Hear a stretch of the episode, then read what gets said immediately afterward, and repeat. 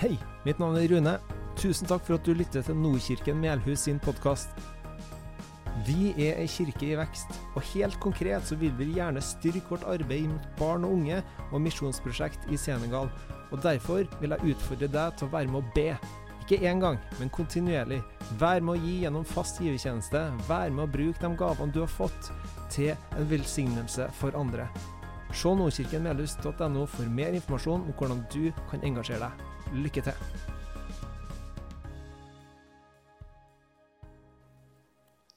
Veldig kjekt å se at det er så mange til stede, da. Nei, veldig, veldig kjekt. Og det, så, det at det er en så stor andel som på forsvinner til søndagsskolen, og at det fortsatt er en stor andel igjen, det er jo kjekt. Yes, Jeg kan jo først starte med å presentere meg sjøl. Jeg heter Rune, pastor i Nordkirken Velhus. Har vært det noen år nå.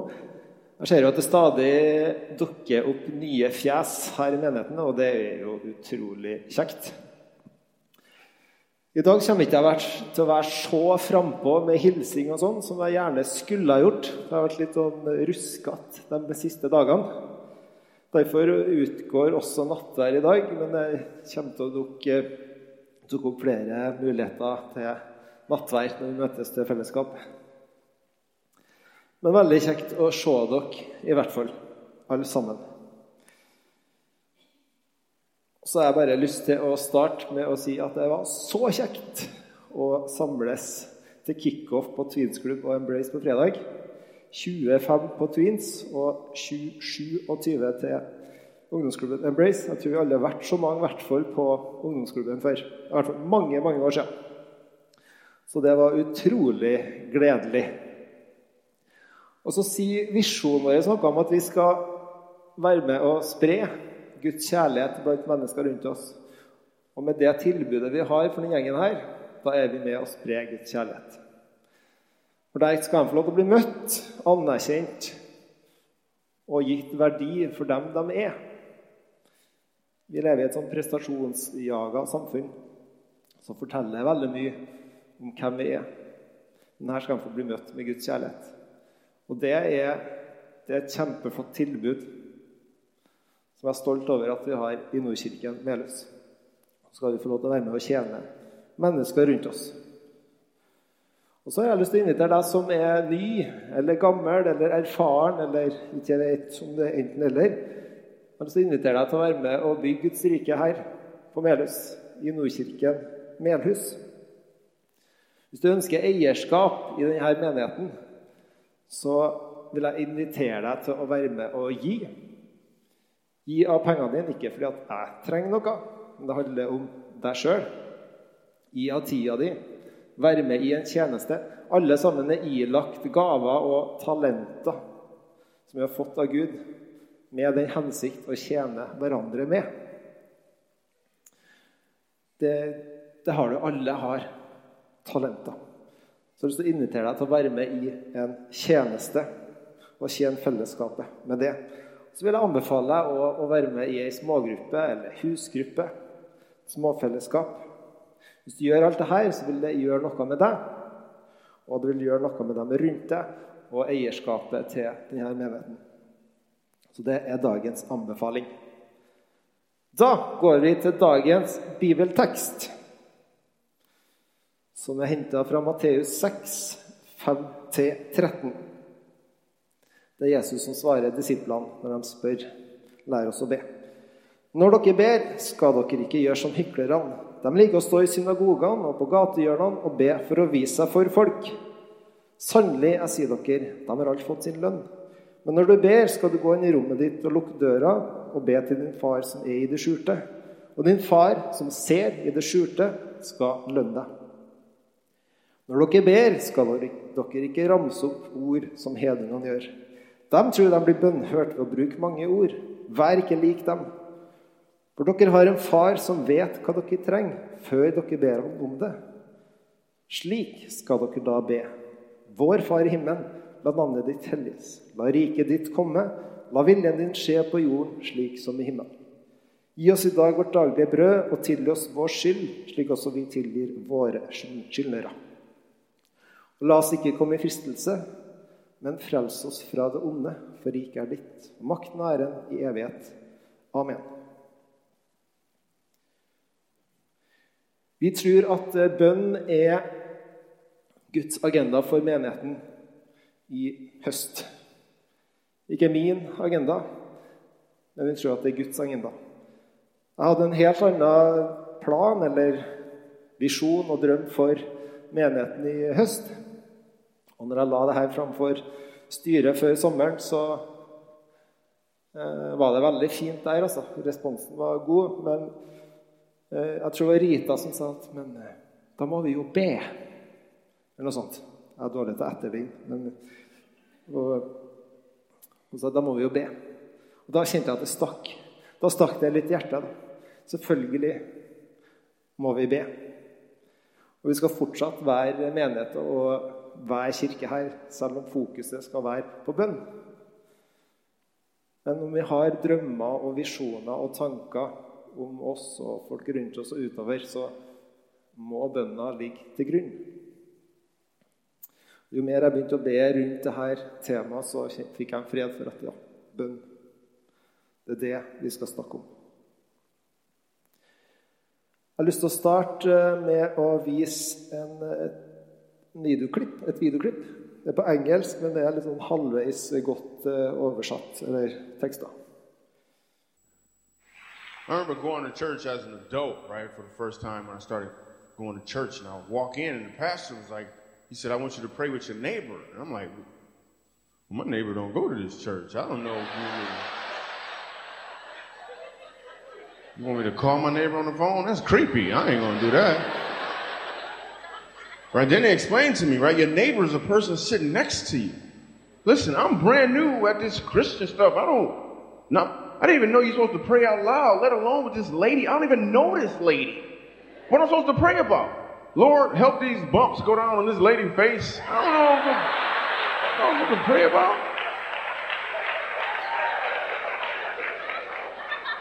I don't know what I'm supposed to pray about, right? She went first. She was praying all good, and she must have been John the Baptist's little sister or something. praying.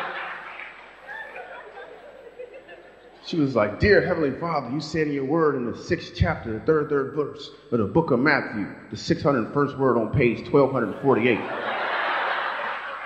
Lord, you said, but seek, S is in search, E is in everywhere, E is in excellent, K is in kingdom.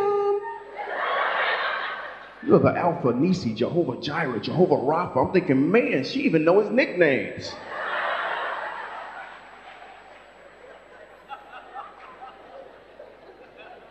Now it's my turn to pray, right? But I don't got the spiritual vocabulary to just, but I'm not going to let her out pray me. So I'm like, okay, God, first of all, you are good people. You know, you are good, Lord. You are good. You are good to the last drop, Lord. Because, um, Lord, I, I just got to obey my thirst, Lord. You know, because choosing moms choose Jesus. So, Lord, because you know, as the, rec- as the rocket's red glare, Lord, it gave proof to the night, Lord. I believe I can fly, amen.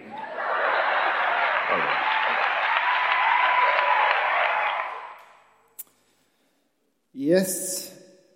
Jeg har eh, et inntrykk av at bønn kan være litt sånn knotete og litt vanskelig noen ganger iblant. Av ulike grunner at vi kristne opplever det. At vi strever litt. Og så i samtale med folk og ja, så har jeg fått det inntrykket. Og det kan være mange ulike grunner til at man syns bønn er vanskelig å forholde seg til. Man eh, finner ikke tida, stedet. Man vet ikke hva man skal be om, hvordan man skal be. Og i en veldig travel hverdag så er det noe med å finne når, Hvor er den plassen der du kan bare sitte og være for deg sjøl, bare du og Gud, uten mas, uten forventninger, uten alt det der presset? da. Konsentrasjonen, finn den. Kanskje har du en erfaring av at eh, det ikke hjelper å be. Gud hører ikke uansett. Da er det ikke noe vits. Kanskje kjenner du at du ikke er verdig nok. At du må fikse opp i noe først. Før du kommer fram for Gud. Kanskje har du òg, som det kom fram her, hørt på andre. Så har de en sånn annen Formulerer de seg så fint, eller tenker at der, der er ikke jeg. Ja, det kan også bli, bli bønna litt sånn fremmedgjort, da, det språket. Å snakke med noen som man ikke ser, kan også være utfordrende. Ja, det er mange ting da, som kan komme litt i veien for bønn. Men jeg lover deg at gevinsten av et rikt bønneliv, den er så stor. Det er så mye kraft i bønn.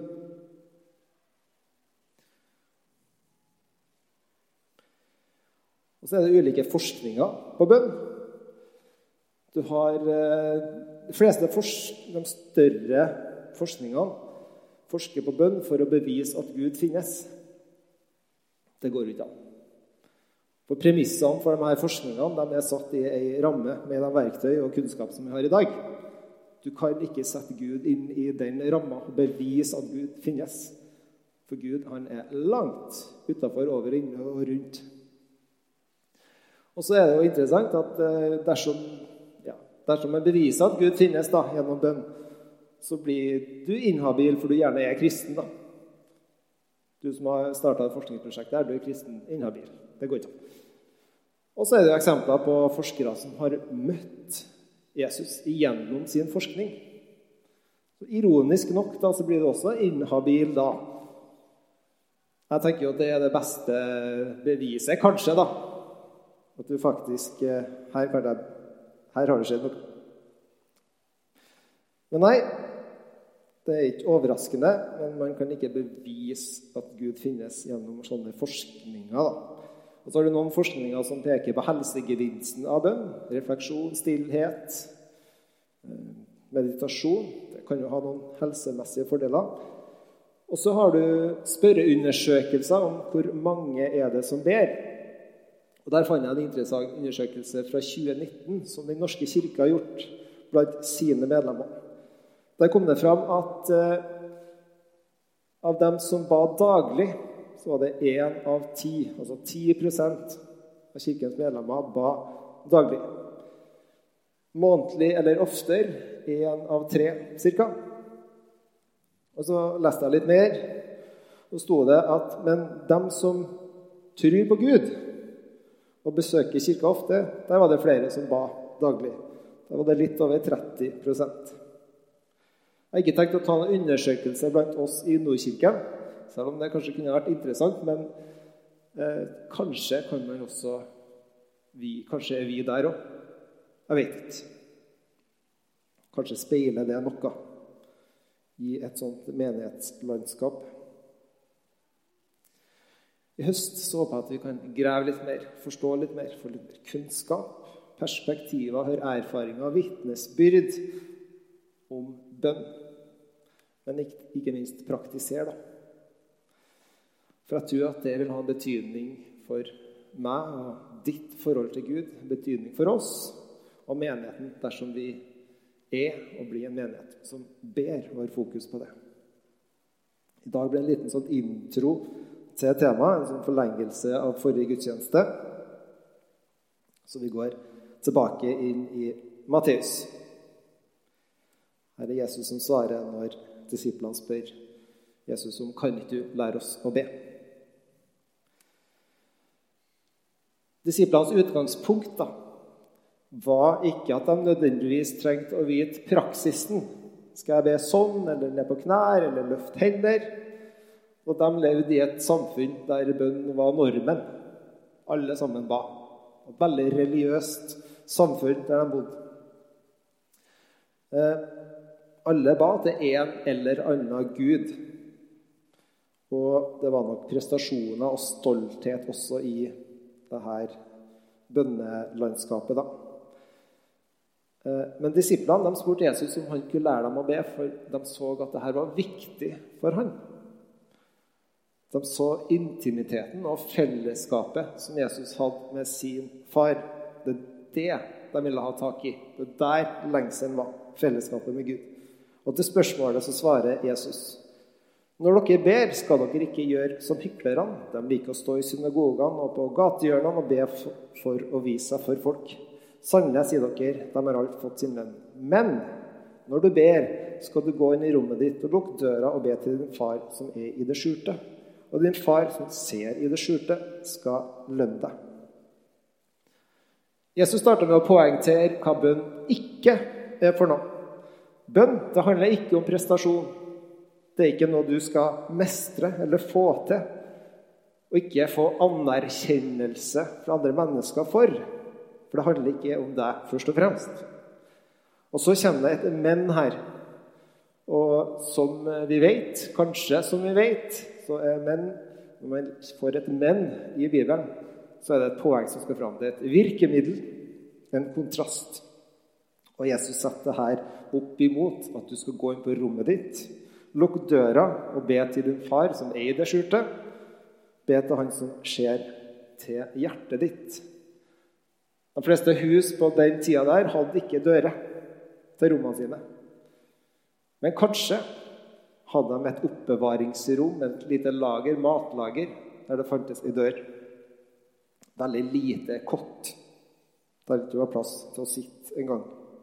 Vi kan kanskje referere eller relatere til dører, siden vi har hus og leiligheter med dører til hvert rom. Men det er ikke stedet som er poenget her. Det er ikke det som er poenget til Jesus, men det er motivet. Motivet vårt. For å sette det opp mot å ikke vise seg fram. Til, vise seg fram for folk. Se hvor åndelig flink jeg er! Nei, det er ikke det det handler om, men det handler om et fellesskap mellom oss og far. Videre i Bibelen kan vi også lese at vi ber sammen med andre, sammen med trossøsken, for andre. og ja, Bibelen har mange uttrykk som vi skal se på gjennom høsten. Så det handler ikke om at vi ikke skal be med andre, men det handler om motivene våre. Ber du for at du sjøl skal få anerkjennelse, eller, eller er det Gud? Gud han ser våre motiver. Han ser dine motiv. Vi kan ikke gjemme oss for Gud. Det kan være en skremmende tanke, kanskje. Det kan være en flott tanke òg, alt ettersom. Jeg og Lisa, kona mi, vi vi har tre barn. Samuel på fire, Lilla på seks og Marion på åtte. Og de to eldste har fått en sånn Explora-klokke. Det er en sånn klokke med GPS-sporing, blant annet. Da kan jeg på mobilen min se hvor de er til enhver tid. Eh, og vi kan ringe til hverandre, og vi kan sende meldinger til hverandre. Det fungerer litt som en litt sånn strippa mobil. Eh, og i hodet mitt så kan jeg derfor gi dem mer frihet hvis de bruker den klokka. Men så skjønner jeg jo at eh, det er også i baksida her der jeg tar fra dem ganske mye frihet. At jeg har eh, såpass kontroll, da. Kan ha såpass kontroll på hvor de er. Når jeg vokste opp, da var det kom hjem halv åtte. Og så gjorde ikke det, så måtte foreldrene ut og leite. Ringe på. Er Rune der, eller et eller annet. Og kom ikke du hjem til den, eh, den tida, så kunne det få konsekvenser. Nå er ikke jeg ute og leter noe særlig. Det hender seg, men ikke så ofte. Nå kan jeg ringe og si nå må du komme hjem. Og så har det jo hendt seg at jeg hører på min datter at uh, her er det noe som skurrer. Hun sier at hun er på én plass, f.eks. Så skjønner jeg at her tror ikke jeg noe på. Og Da kan jeg i teorien se på GPS-en. Nei, nå løy du til meg. Og så har vi jo hatt et eksempel der uh, enen av dem to skal ikke være utleverende, så jeg sier enen av dem to har hatt et uh, raseriutfall av dimensjoner. Og da er det sånn Jeg hater dere. Uh, jeg skal ut herfra. Jeg skal ikke bo her noe mer i det huset eller være i familien her. Og så Nå rømmer jeg. Ut i et kaldt høstvær. Vil ikke komme tilbake. Da syns jeg det var praktisk å ha, se hvor er det hun har gjemt seg og hente den der kalde, frosne jenta tilbake. Og så kan vi gå gjennom det som har skjedd. Uh, ja, hva, jeg vet, Nå husker ikke jeg hva poenget mitt var. Men uh, Ja, vi, vi, vi er ikke GPS-spora av Gud. I hvert fall, Vi har ikke en sånn far som følger med og eh, skal se hvor og avsløre feilene våre. Eh, men vi har en Gud som vet alt om oss. Det kan være avslørende og befriende. Eh, I relasjon med Han så kan vi komme med alt. Hele vårt liv. Han vet akkurat hva vi trenger, som, i, som vi kan lese i neste avsnitt. Når dere ber, skal dere ikke ramse opp ord som hedningene gjør. De tror de blir bønnhørt ved å bruke mange ord. Vær ikke lik dem. For dere har en far som vet hva dere trenger, før dere ber han om det. Slik skal dere da be. Jesus, eh, Jesus han er jøde, og han er vokst opp med de her jødiske bønnetradisjonene. Hedningene derimot, det var ikke jødene. De ba også til ulike guder, kanskje. Og så var det jo en kjent at de la prestasjon i bønnen.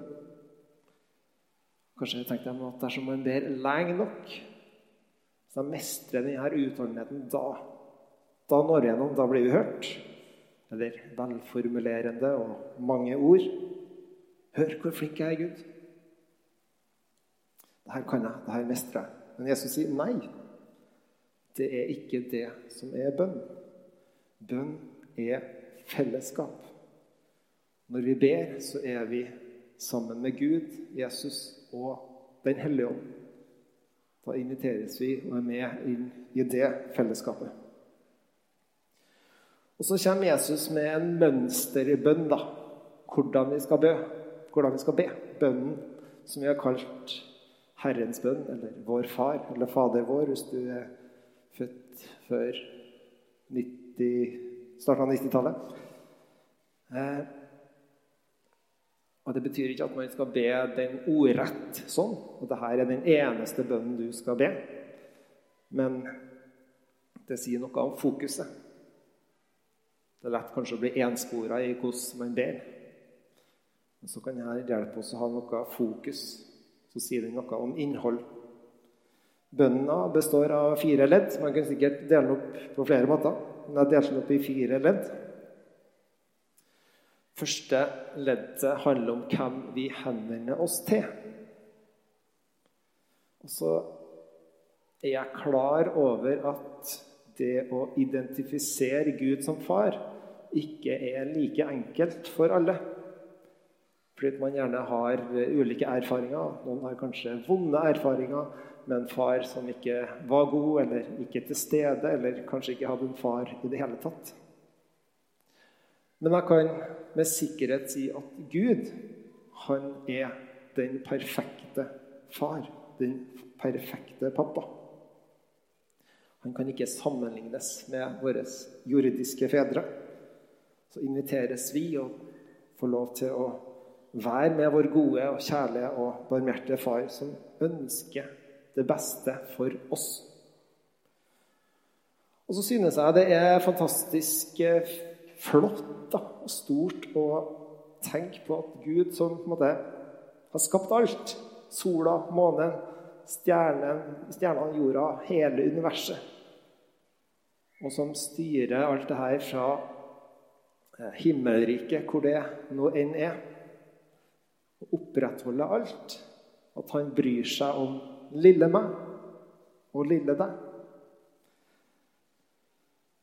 Han har lyst til å være Han lengter etter å være med deg. Hør på oss, hvordan vi har det. Altså, han bryr seg om alt. Hele livet vårt. Så det syns jeg er fascinerende. Og så sier den delen her noe om oss også. Vi er Guds barn, og vi kan kalle han far. Vi er medarvinger av Guds rike. Neste ledd La navnet ditt helliges. La riket ditt komme. La viljen din skje på jorda slik som i himmelen. I denne delen så setter vi Gud i sentrum. En bønn om å sette Han først i vårt liv. Han som står over alt og alle. Det handler om å løfte opp Han og anerkjenne hvem Gud er. Så ber jeg om at Hans rike skal komme. Et rike som allerede er, men som skal fullt og helt komme når Jesus kommer tilbake.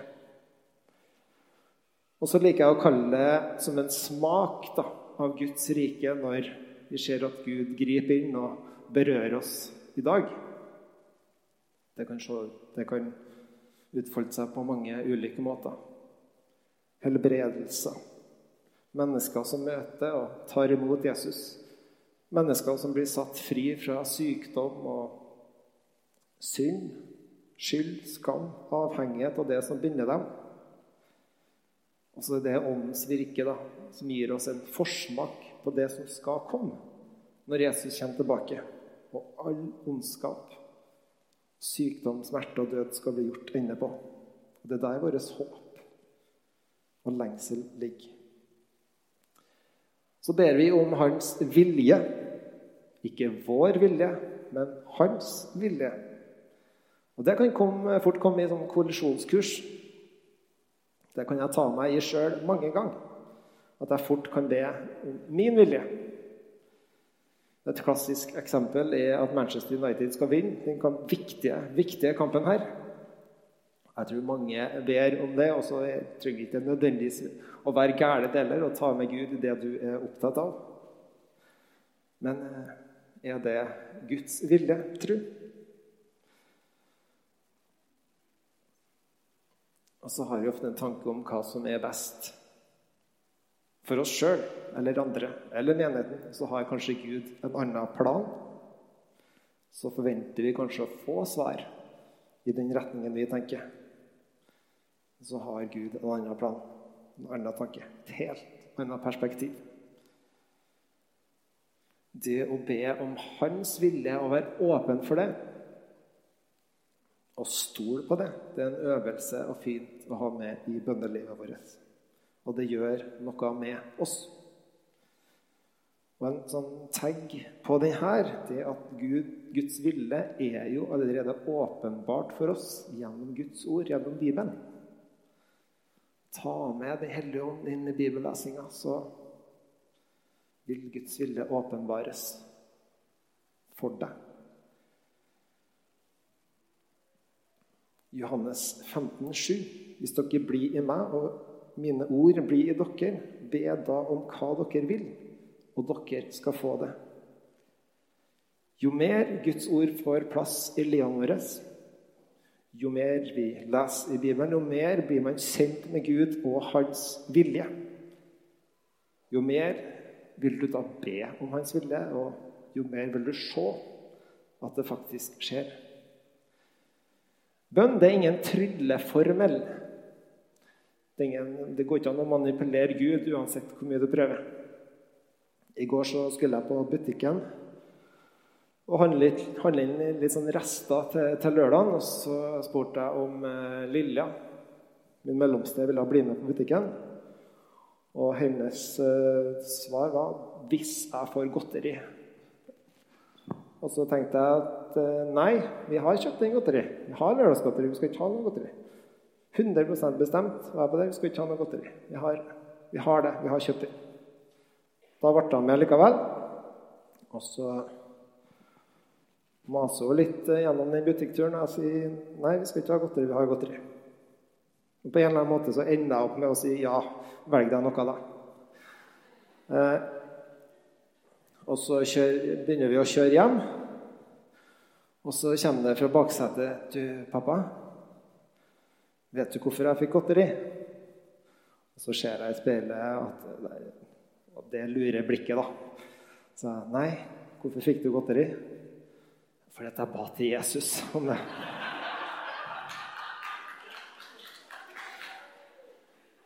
Og det da, da, er det en fin mulighet til å snakke litt om hva bønn er for deg, hvordan det funker. da. Kanskje funka det. Jeg vet ikke.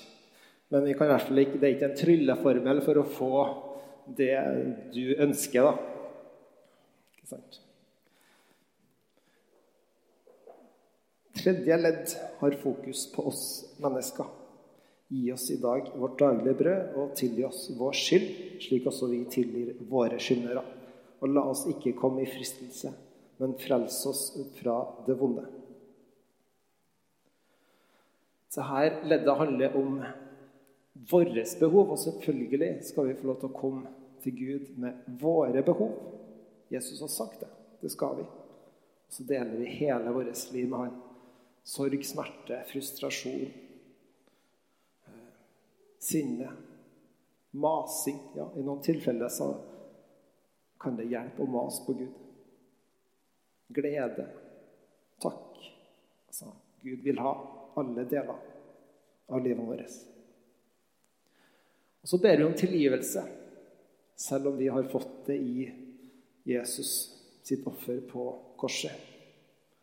Og det han gjorde for oss. Så ber vi om tilgivelse fordi vi er syndere, og vi må stadig omvende oss, så vi ikke blir fanga i det. da. Alle gjør vi ting som ikke er bra for oss og i vårt forhold til Gud. I Isaiah 59, 1-2 så står det Se, Herrens hånd er ikke for kort til å frelse, og hans øre er ikke tunghørt, så han ikke kan høre. Da kommer det et men. Deres misgjerninger skiller mellom dere og deres Gud og deres synder har skjult hans åsyn for dere, så han ikke hører. Synda den diskvalifiserer oss ikke til å be. Da er det ingen som kunne ha bedt. Jesus han døde for oss, sånn at vi skulle få tilgivelse, og åpna dette skillet.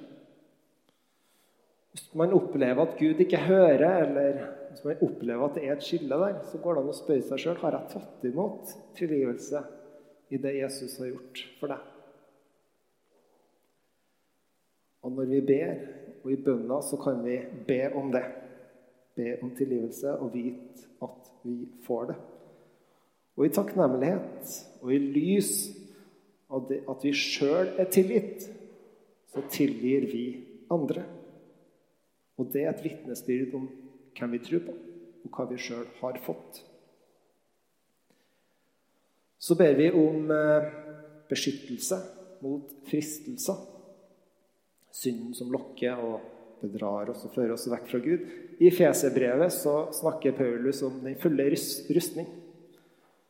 Eh, I kampen mot det åndelige, altså ondskapen. Og så avslutter han med viktigheten av å be i denne kampen. Bønn i seg sjøl er et utrolig kraftig våpen. Og det ligger ofte til grunn når Gud griper inn. For bønn beveger Gud. Når det kommer vekkelser, som vi ser på Vigeland nå i dag f.eks., så har det vært en bønn i forkant. Kjempa i bønn. Noen har kjempa i bønn.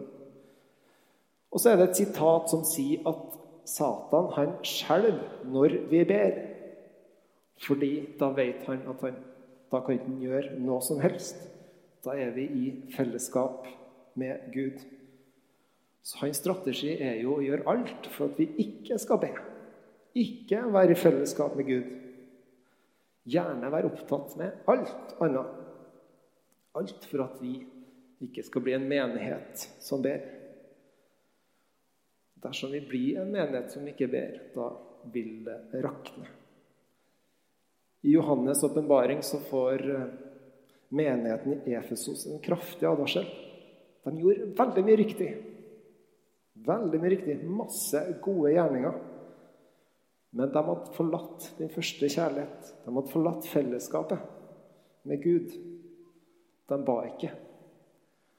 Da får de beskjed om å omvende seg. Omvend dere. Gå tilbake. Fellesskapet først. Bønn er altså viktig. Siste og fjerde ledd. For riket er ditt, og makten og æren i evighet. Amen. Fokuset vender nå tilbake til der vi starta, med Gud i sentrum. Lovsangstimen kan eh, begynne å gjøre seg klar. Jeg tror alle sitter med erfaringer om at uh, eller ulike erfaringer med, med bønn. Kanskje sitter du her og ikke helt vet hvordan du skal angripe det her. Bønn har ulike uttrykksformer. Det er ikke én, bare én spesiell måte å be på. Hensikten i dag er ikke å, sette opp ei liste om hvordan du skal be.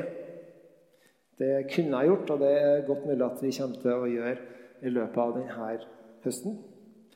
Men hensikten i dag er å formidle hva bønnen faktisk i hovedsak er. Fellesskap med Gud, treenigheten. En gave som er gitt til oss, der vi kan i samtale med treenigheten være og lytte og, og be. Hele Bibelen forteller en stor og fantastisk flott historie om en eh, stor Gud, stor allmektig Gud, som skapte oss mennesker til fellesskap med Han. Og så gjør vi et opprør mot Gud, skaper et skille mellom Gud og mennesker. Men det skillet der stopper ikke Guds kjærlighet til oss.